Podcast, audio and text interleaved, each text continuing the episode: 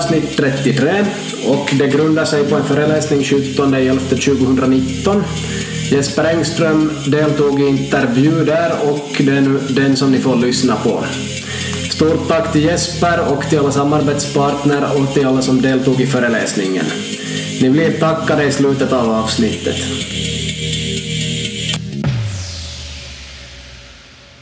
Tänkte jag skulle börja med att reda ut din bakgrund lite. Du kan ju berätta vilket år du är född och lite hur det var då du spelade fotboll då du var liten eller vad du gjorde då du var liten. Vi vet ju inte när du har börjat med fotboll heller. Så du kan berätta lite. Ja, jag heter då Jesper Engström och hemma från, från Vörå och, och, och nu de senast nio åren så har jag spelat i, i, i ligan med VPS och just så blev det klart att jag fortsätter nästa år med, med Inter, med Inter från, från Åbo, Åbo till nästa säsong men att jag är då 27 år gammal, född, född 92 och jag började väl spela fotis kanske som en fyra, femåring och sånt. Och under ända upp till högstadieåldern ska jag säga så höll jag på med, med massa olika sporter. Att det var både uh, friidrott, det var skidåkning, det var innebandy. Och sen på vintern en del hockey också som med polare, inte med något lag men att vara ute och spela, spela på kvällar med polarna. Så att lite allt möjligt och sen just terränglöpning som jag pratade om här så har jag varit med i varje, varje vår också så att lite allt möjligt, ja. Ja, precis. Men fotis, från att du var liten, var jag på skolgården eller när kom du med i förening, minns du? Jag eh, minns jag exakt, men att klart det började, bör, började från, från skolgården och sen så det är kanske en sex, sju års ålder att, att, att gick med i lag då i Hällnäs, Hällnäs bollklubb på handtiden som jag, som jag började min, min karriär och, och därifrån, därifrån fortsatte då sen. Mm, precis. Det är så många idrotter så påminner ju lite om allt vi har diskuterat förr idag och sitt statistik om, så det är ju intressant. Var du med i någon annan förening också, eller var det bara en förening? No, alltså det blev ju... Fotisen var ju Hällnäs bollklubb, sen fanns det friidrotten och skidåkningen så var väl Vörå IF och IF VUM om jag minns, minns, minns rätt. Ja. Och sen innebandy kom väl senare, var ju just Norrvalla då vi slog ihop oss, ihop oss olika, olika föreningar där. Så hockey var med polarna? Hockey var med polarna bara och sen spela, spela seriöst på det viset. Mm, precis. Uh, har du koll på någon statistik ända tills, eh, Eh, om man säger att du började med fotis som sexåring och upp till 15, har du någon sorts statistik, något speciellt du kan berätta från då du spelade? Vad är något som var speciellt med dig redan då? som man idag skulle kunna koppla till att du senare har blivit ligaspelare eller var du en ganska sådär medelbra spelare eller hur, hur har du upplevt det själv då jag har bett dig att tänka lite på saken? Uh, ja, svårt att säga att inte...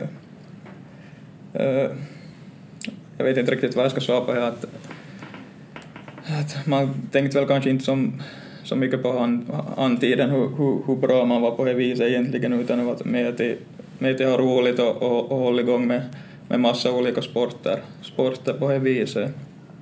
Och sen så började man ju märka när man kom upp till just högst, högstadieåldern där att, att tidigare om man kanske hade varit, varit i toppen i flera olika idrotter, att där började skillnaden komma att folk började satsa mer, mer på sin sport, så man måste börja lite specialisera sig därifrån och, och, och satsa fullt ut på en sport om man vill, vill vara bra då och vara med. Mm, ja precis. Yes, och uh, i vilket skede började du spela juniorlandslaget? Juniorlandslaget var där kring 16, 17 år som jag var med, med första gången. Att där första gången när jag började på 15, 15 år där så blev, var, jag inte, var jag inte uttagen utan det kom där lite senare. Uh, vilket klubblag spelade du i då? Då skulle jag borde vara i Vasa IFK om jag minns rätt med B-juniorerna där kanske. Ja. Gick du på idrottsgymnasiet i Vörå?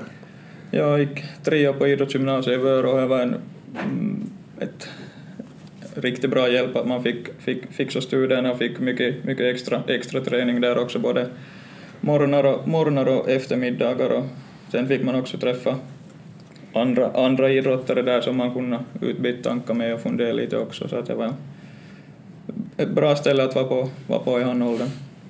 Mm, absolut. Nivåerna varierar mellan år hit och dit i Vörå vet jag att ibland har det varit jättebra säkert då du var någon gång har jag varit lägre nivå och någon gång kanske är högre på nytt så det varierar. Så man måste se vad som passar bäst för en själv förstås de år man håller på.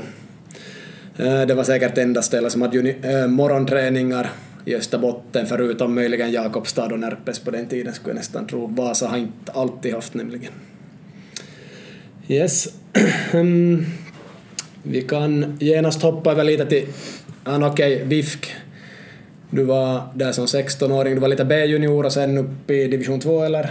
Mm, ja, efter IFK så får jag tillbaks till Norrvalla FF ett år och spelade där i division 2, tror jag var 2009.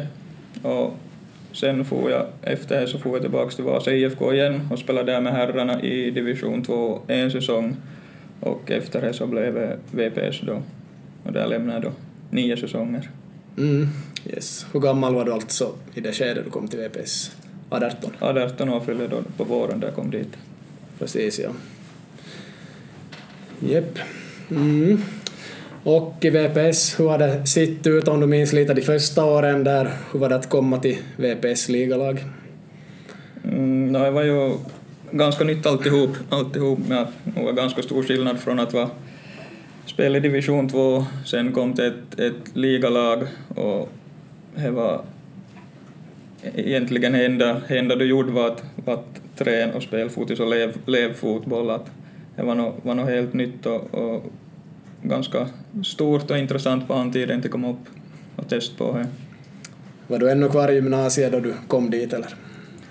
Nej, jag gick, eller jag gick ut då gymnasiet på, på våren 2011 då jag kom till VPS första säsongen. Att det var redan tidigare prat om att, att jag skaffade till, dit redan 2010 men då sa jag att jag vill ännu spela en, en säsong i division 2 och få mera matcher med, med, med herrarna och samtidigt så får jag fixa det skolgången för han klart före, före jag kommer till, till ett ligalag.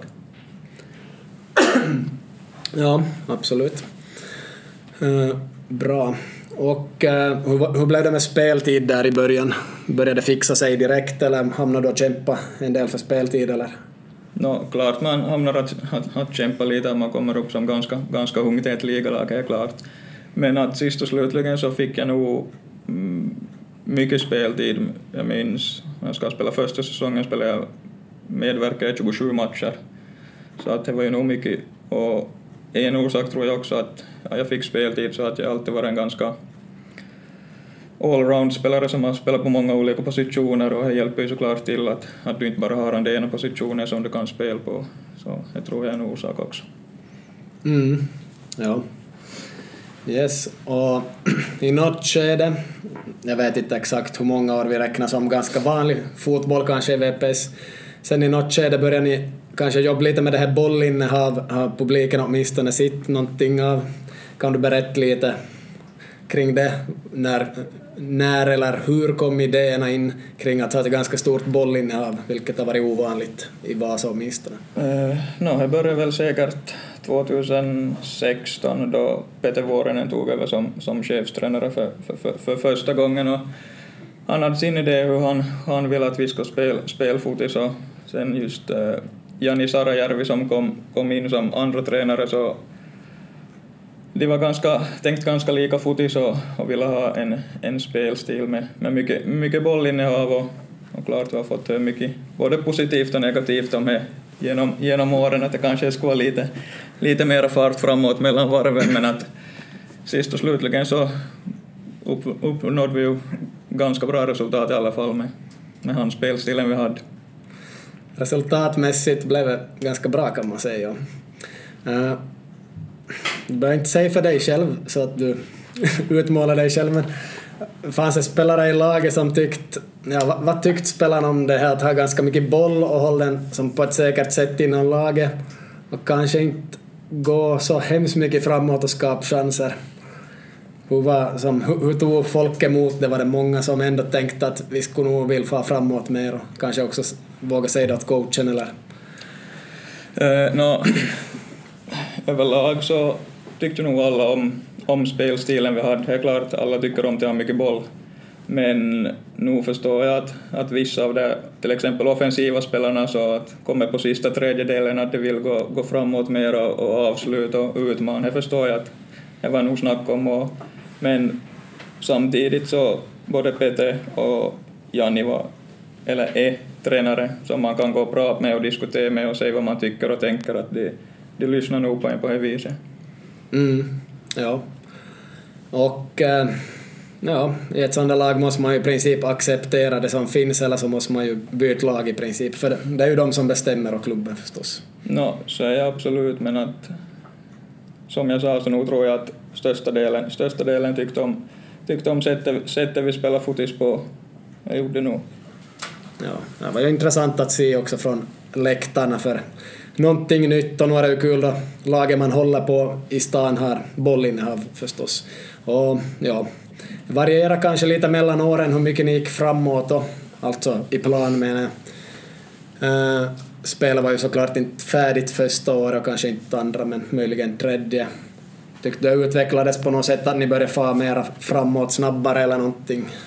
Mm, ja, jag gjorde nog. Och jag kan ju säga att nu fick vi ju i början, du började med den här spelstilen, nu fick vi ju, fick vi ju det här betal, betal för våra misstag ganska många gånger där, där i början med, med bolltapp och liknande utanför eget, eget 16 och så, men att det blev ju... Det är klart det tar sin tid innan, innan spel, spelstilen sitter och, och, och sen kanske att vi blev mer rätlinjiga så tror jag kom först där på 2018 kanske då eh, Ricardo Duarte kom in som andra tränare från Portugal. Att han var lite mer av han, han åsikten att, att om vi kommer till, till sista tredjedelen så ska vi, så ska vi utmana och avsluta anfallen och, och, och, och försöka göra mera mål. Att, det kanske han kom in och ändrade lite då, att det blev mera rätlinjigt. Mm, precis. Uh, ni har haft en par portugiser där i laget genom året som har hjälpt till med säkert taktik och annat. Uh, hur var den här Duarte var införd han, vad, vad, vad gav han åt er som var positivt om vi tar det positiva? Uh, no, just jag berättade om att det var lite uppdelat så att han hade mer hand om anfallsspelet och sen sköt, sköt Peter det här han då lite mera försvarsspelet men att han var just av den åsikten att kommer vi till, till sista tredjedelen så, så våga utmana, våga gå på skott och våga avslut. Och sen så kanske man, man märkte också att han var en, var en lär, lärare till yrket, att, att uh, han var, kunde lära ut saker och vara lätt i tal med på det viset och så. Mm. Han hade väl gått på universitet i Portugal och mm. studerat fotboll. Ja, han har väl nog gjort bra. Jobbar väl för bollförbundet just nu. Om man är där med, jag vet inte. Om man är där med. Han jobbar för finska bollförbundet. Han får dit i alla fall, ja. Ja, ja men det är inte... Yes. Det finns ju en sån där teori om att först går man framåt, alltså passa framåt om man kan, annars sidled och i värsta fall bakåt. Det kan ju hända att ni ändå hade det här bara att ni var smarta nog att inte spela framåt i så många lägen då det skulle vara risk att tappa boll. Var det lite det som kanske var tanken eller? Uh, no, ja, tanken var ju att gå framåt då, då läget är rätt. Att sen är ju upp till oss, oss, oss spelare att läsa, läsa av situationen då, att när är det rätt att gå, när, när är det inte rätt att gå. Och klart, vi gick igenom det mycket också. Och här kan jag ju säga också att fast, fast vi hade en, en spelstil med, med mycket bollinnehav just då, så nu sa ju tränaren att, att bästa sättet att få göra mål är om du kan slå en passning direkt direkt bakom deras backlinje så är du fri med målvakten. Att, att fast vi hade mycket bollinnehav så nu gick vi en, en, ändå igenom olika, olika sätt till spel på, att det inte var bara kortpassningar. Att, att det var mycket upp, upp till spelarna också att läsa av situationen, vad som var rätt enligt dem då. Ja, det allra bästa är ju om en målvakt kan slå så lång utspark så att spelare står bakom backlinjen och så får man ett friläge direkt för det finns ingen offside på målspark. Alltså händer inte så ofta men det finns och jag har sett den. en gång eller två och testat en gång med ett lag. Vi fick faktiskt ett friläge med två spelare igenom och så misslyckades vi. Nå, hur som helst. Så en sorts analys här skulle kunna vara att, att eh, många andra lag spelar bollen framåt för mycket och tappar den i onödan. Sen kan man också fundera att okej okay, de spelar framåt mycket och tappar den i onödan men de spelar så mycket framåt så det kanske uppstår ganska mycket chanser ändå. Men det är en svår diskussion det där förstås. Så att, eh, bra tankar här från Jeppe, jag är riktigt nöjd så här med analysen så här långt.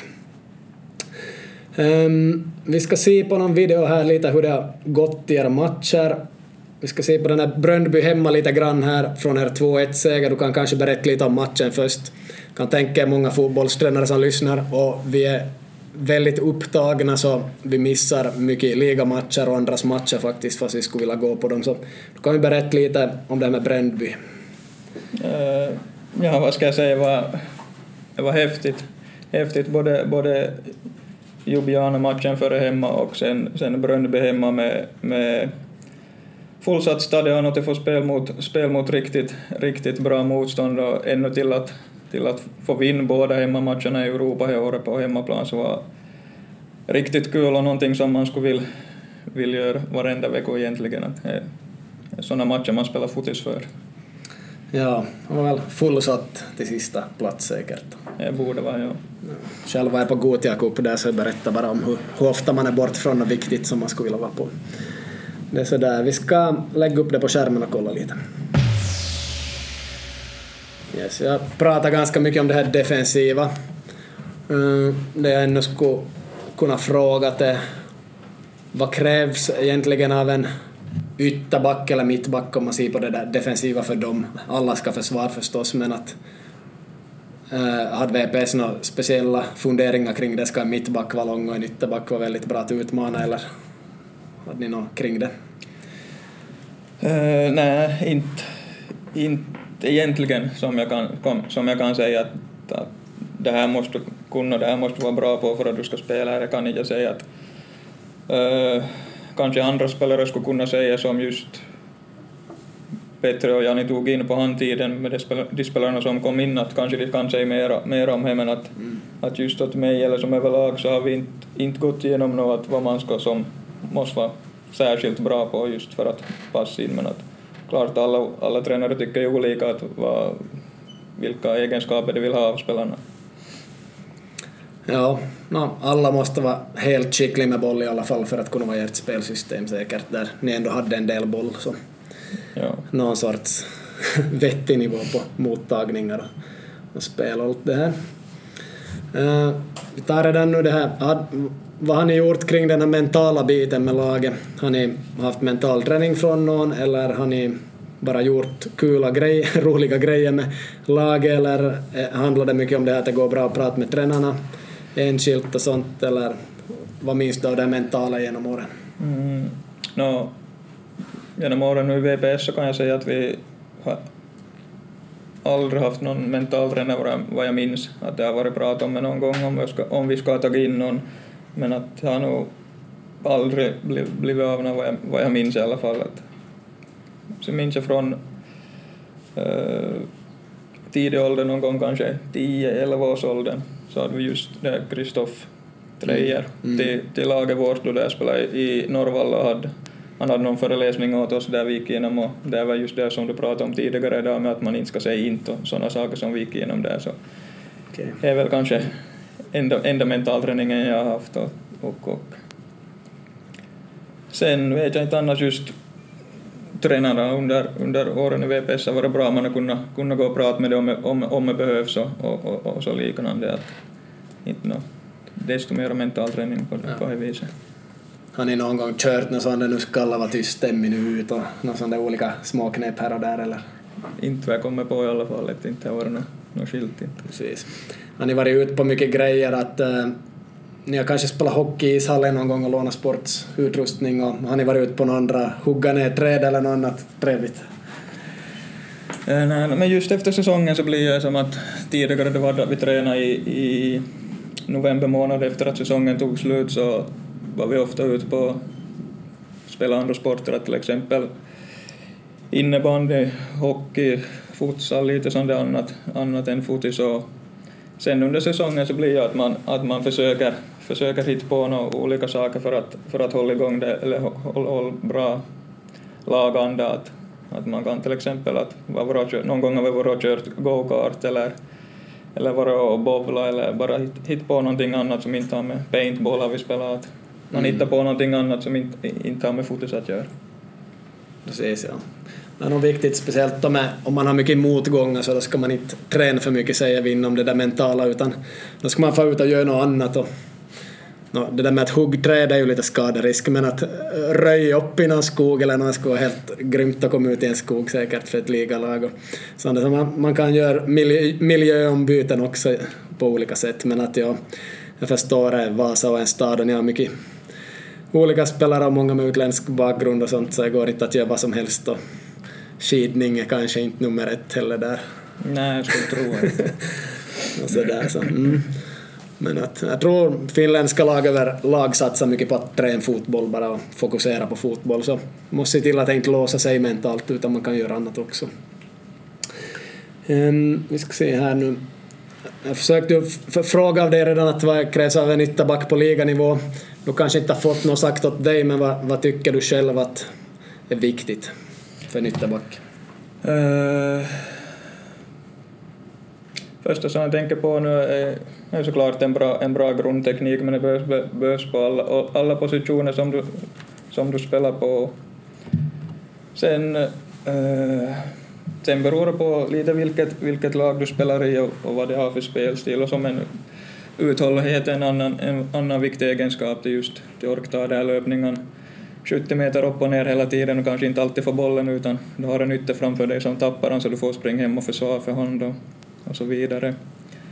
Sen spelförståelse, en viktig egenskap. Och ja, det är väl kanske det Ja. viktiga sakerna som jag tänker på just nu i alla fall. Du är väl nog ganska kvick om man säger så här på korta sträckor om du jämför med överlag i ert lag eller i det lag du har varit i. Ja, sådär. Helt, no, helt snabb jag menar. Du hör nog till kanske övre halvan om man skulle dela in alla. Ja, jag tror jag nog. Ja. Så helt kvick och så är du uthållig så du har antagligen du kan ha ganska bra muskelfibrer om vi ser på vad vi talade om här tidigare idag. Ganska, ja, du är kvick och så är du uthållig så det är bra. Är sånt man har sett av dig då du spelar också. Mm. Eh, jag har tidigare hjälpt till att få in en spelare i VPS på prov ibland. Julian Tarvoll från Sporting var där en del så jag har sett hur det kan se ut en månad eller en vecka ibland deras scheman och sådär men det är nog ganska länge sedan nu. Så du skulle kunna berätta kort hur en träningsvecka kan se ut eller en månad. Du får välja själv lite vad du berättar men.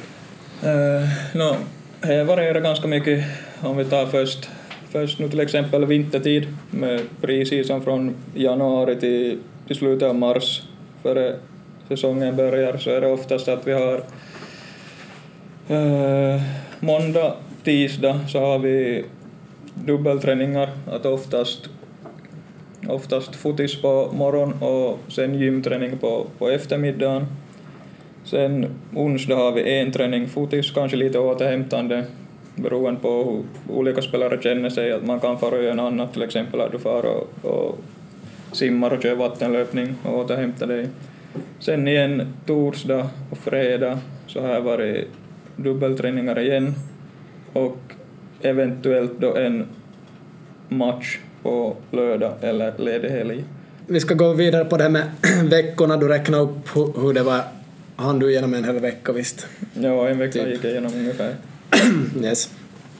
Det viktiga, med, eller det intressanta jag ännu skulle vilja fråga att minns du hur ofta ni körde på försäsong eller säsong som det stenhårda pass att idag är det fullt överbelastning?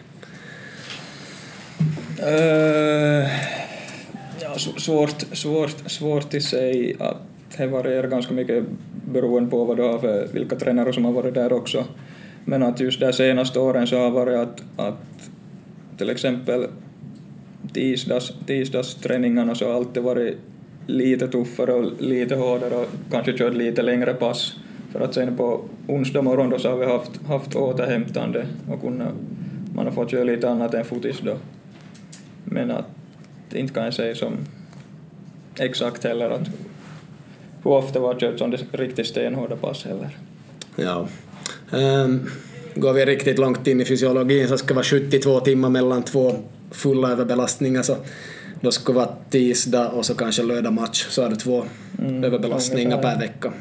Ungefär vad man kan göra vissa tider av året på fotis. Så ja, vi ska komma in på det senare idag här på föreläsningen också. Um, och på en månad, veckorna såg kanske ganska likadan ut i en månad, eller? Ja, men det kan jag säga också att sen då efter, efter från april och framåt till slutet av säsongen så, så blir det mycket lättare med träningsmängder, att det är oftast bara en träning, en träning per dag och huvudfokus är då sen på, sen på matchen på, på helgen. Att det är ganska stor skillnad mellan från till exempel januari till mars och sen från april då till slutet av oktober. Yes. Um, om ni hade match på söndag kväll, hade ni på måndag en återhämtande och tisdag ledig dag, eller? Uh, oftast har varit så att vi har återhämtande dagen efter och sen vad blir det två, två dagar efter match så är, det, så är det ledigt och sen så börjar vi på nytt. Då. Ja, då, då kommer vissa att köra det där hårda passet direkt på onsdag där då. Så då blir det ungefär de där 72 timmarna till nästa överbelastning, eller så väntar de en dag till. Så det är kanske på toppnivå. Vi, vi väntar med frågorna ännu till slutet. Eh, vi tar några av mina frågor här ännu. Um, har det funnits tillräckligt med resurser i laget tycker du? Eller inte tillräckligt men att uh, har ni haft tillgång till massage om vi tar en sån grej först? Uh, ja, massage har nog alltid haft, haft, haft tillgång till att, att en del så har vi, har vi massörer som vi kan ringa åt och vi far dit och genom åren också så har det varit att vi har haft två till tre massörer som till exempel kommer dagen efter match, kommer till stadion, att köra återhämta en träning och sen får man boogie-massage åt sig, så att det har nog varit riktigt bra. Mm, fint att det fungerar. Mm. Har det funnits några resurser kring sånt här frukost, lunch, har ni ätit något sånt ihop någon gång? Eh, frukost tror jag nog nästan aldrig varit käkat tillsammans, kanske en, en, två gånger under de här nio åren som jag minns att vi ska äta någon frukost. Det var nog ett tag prat om att vi skulle, vi skulle börja med det också, men att det är ju ändå att vad man vill, vill, satsa, vill satsa mera pengar på och, och, och så. Men lunch har vi ju haft att vi har en två, tre olika ställen här i Vasa som vi får fara och käka till och det blir ju oftast att största, inte får ju alla till samma ställe, men att oftast så får ju största delen av, av laget till samma ställe och man får, får mer tid med varandra där också, som är bra för lagandan också, att man kan sitta och käka, käka tillsammans och prata om andra saker än fotis också. Mm, ja. ja, kul att höra. I Sverige kör de med frukost många så det tror jag här och där, men svenskarna är väl med sådana frukostmänniskor och sitter och snackar, men på morgonen är vi väl lite lugnare i Finland kanske. Eh, vi tar en eh, här, vi ska se. Har lagfilisen varit sämre i något skede och varför? Det är, nog, är klart att han, han blir sämre just under de där åren då vi, då vi har varit med i botten, bottenstriden och, och kämpar om nytt kontrakt. Att, att bra resultat ger alltid bättre lagande och hänger, hänger ju såklart ihop. Och, men överlag ska jag säga under alla år så har vi haft en, en bra laganda, bra laganda genom, genom hela säsongen fast det har gått lite sämre klart. Så överlag, här var det bra. No, jag minns faktiskt att det gick på årskurs ett i lågstadiet så frågade läraren av oss vad vi skulle bli när vi blir stor. Och då sa jag att jag skulle bli fotisproffs. Hon frågade att, att hon svarade direkt med att inte är något jobb, att inte kan du leva på det inte. Men jag, jag, jag hade inte något annat svar att ge åt hon att jag skulle bli. Men att samtidigt så har jag ju nog bara mest, mest spelat för att det har varit roligt och sen så blir jag ju bara bättre då man märker att man klarar sig bra. Att, att inte jag haft någon direkt målsättning att, att vart jag vill komma på det viset utan tagit det som lite efter bara och försöka kom, utvecklas och gå framåt hela tiden. Någon annan fråga i det här skedet?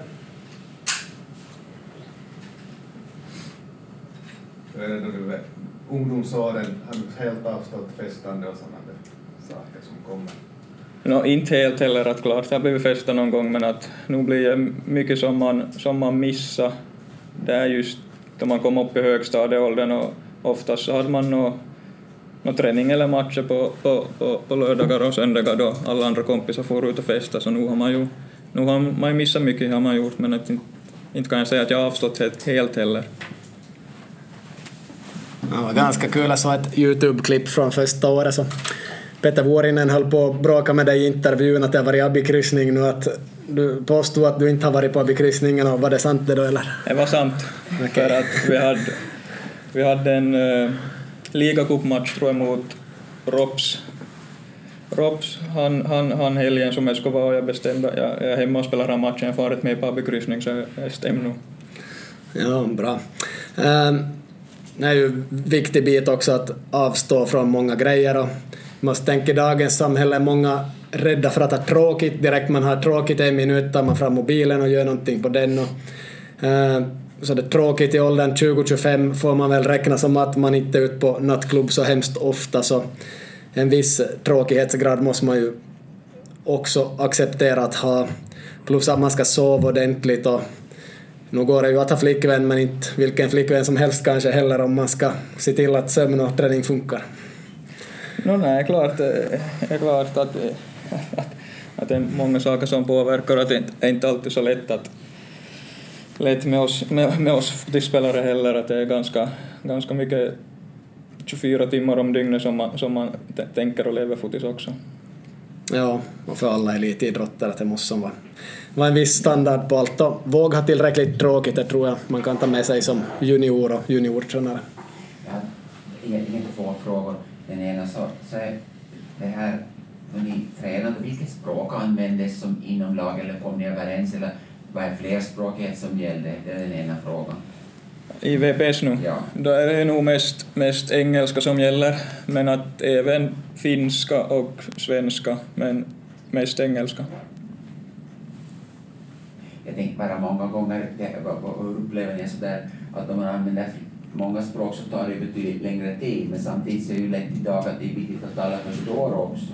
Det där är ju någonting som kan man borde tänka på inom lagen och, och, och hitta en bra linje. Den är, vad den, vi får ju något svar här. Den andra frågan som gällde Djup var ju väldigt mån om att de här spelarna, speciellt de som är på yngre, har studier på helt och förhåller sig ett ligalag som VBS till att, att, att det ibland kan vara, vara, vara konflikt mellan då eventuella tentor vid någon högskola här eller vid någon yrkeshögskola som kanske många studerar i och, och, och träning och, och, och, och, och, och sådana saker.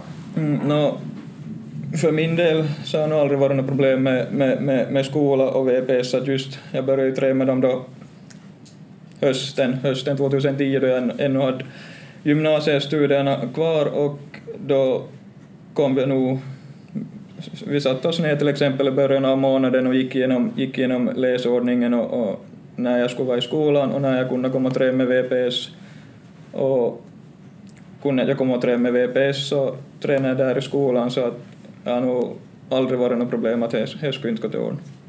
Och det som säkert någon skulle vilja fråga här i rummet så ska vara min sista fråga att kollapsen 2019, om man kan kalla det så, kan du berätta någonting kring det?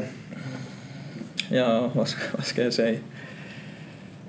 Uh, jag, skulle, jag tror att, att mycket, mycket avgjordes där i, i början av säsongen då ligan startade och vi inte då vi inte fick an de, an de första segern, att vi hade väl var sex raka matcher tror jag, oavgjorda resultat. Att vi hade mycket nya spelare till år, mycket unga spelare också som kanske påverkar att det ska vara ännu mer viktigt att vi får det första segern och får det till rulla på lite. Och sen så är just någon, någon statistik med att med resultat från första halvlek så skulle vi ha varit tredje i serien. Och nu var vi Mm. sist istället. Att vad det beror på då att vi tappade, tappade så mycket i andra halvlek så det är säkert, säkert flera orsaker också men inte något ex, exakt som jag kan sätta fingret på. Det funderades ändå aldrig på den här mentala biten desto mer att ta in någon som skulle hjälpa till och, och kanske lösa upp knutarna till exempel Trejer eller någon. Uh, nej, inte, inte gjorde det inte utan det vi försöka kanske i, istället så var att vi, vi satte oss ner nej, vi spelare och, och, och diskuterar tillsammans och allihop fick säga vad de tycker och tänker om situationen. Och sen just att vi försöker fara ut och, ut och göra lite andra saker än att, än att bara spela fotis och försöka höjande, höjande filer sen i laget. Laget får bättre på det viset, men att inte nog börja snacka om någon mental tränare, vad, vad jag hört i alla fall. Mm, precis. Ja, ändå. Det var ju inte att ni gick runt och förlorade 4-0 och 5-0 och sånt heller. Som, Nej, alltså var ju... Största delen var gjorda målsförluster nästan allihop, så att vi var ju bra med i alla matcher på det viset. Att inte, inte var någon större panik, men det gick ändå inte till, vänd, vände då det började rulla på. ja. Vi har kanske tre minuter tid ännu om någon vill fråga någon. Kommentera? Yes? No, jag hade en sån här fråga att tränar liksom det som har varit på avbytarbänken, som att då ni hade som återhämtande träning efter match och sen hade ni ju som två dagar ledigt och så. Var, var de ute och tränat och Jo, att oftast var de som, de som satt på bänk eller de som spelade, vad ska man säga, kanske en 30 minuter halvlek, så de hade oftast en normal fotisträning nu dagen efter, då vi andra körde återhämtande träning, så att de fick som sin matchdag då dagen efter på det viset.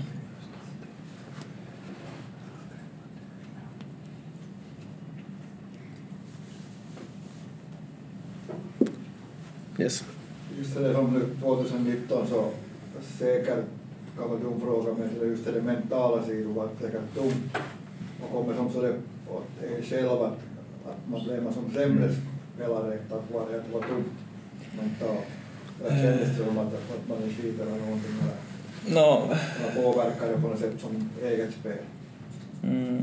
No, klart det påverkar att inte, att inte få resultaten med det, att inte få vinsten. Att, att du, du, har, du har ledningen en match säg, och vi tappar det till oavgjort så kanske de här tankarna börjar komma att, att, att ska, vi, ska vi förlora det här nu igen. Att, men att samtidigt så inte ska jag säga att det påverkar mig själv, själv så mycket som, som spelare. Jag skulle känna mig som en sämre spelare fast inte, fast inte blev vinsten. Nu kan jag inte prata för det andra i laget vad de, vad de har att säga om saken, men det är nu min syn på det.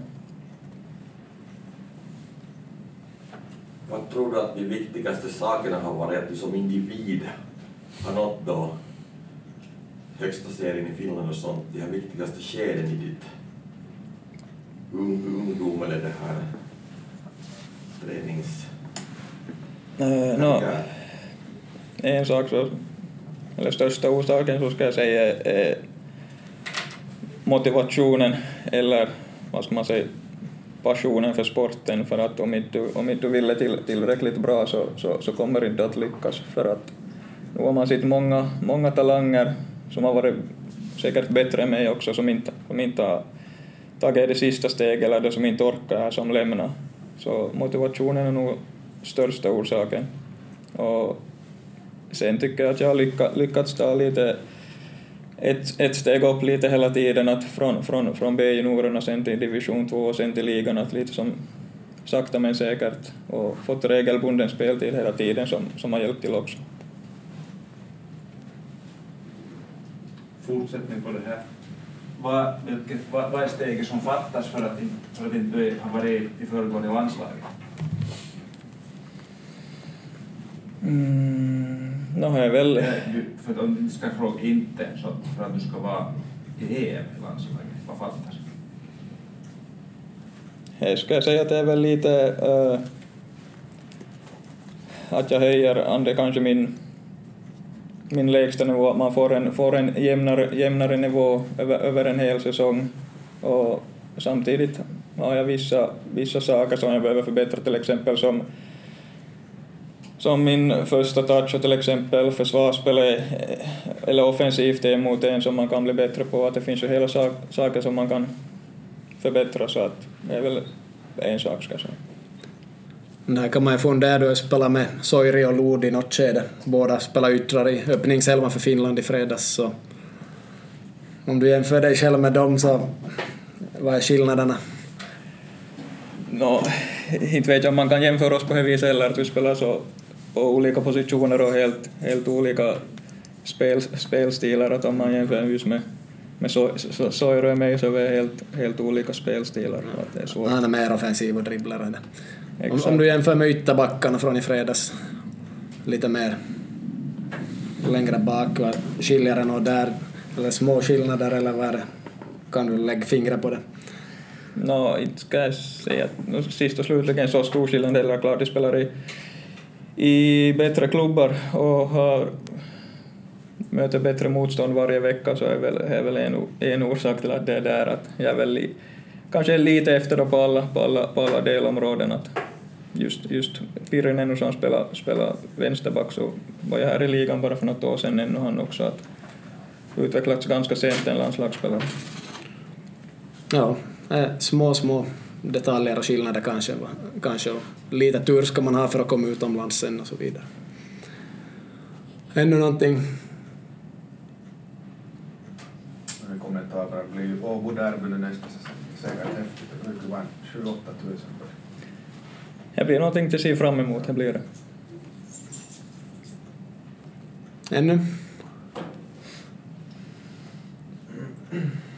Yes, tusen tack Jeppe att du ställde upp. Tackar.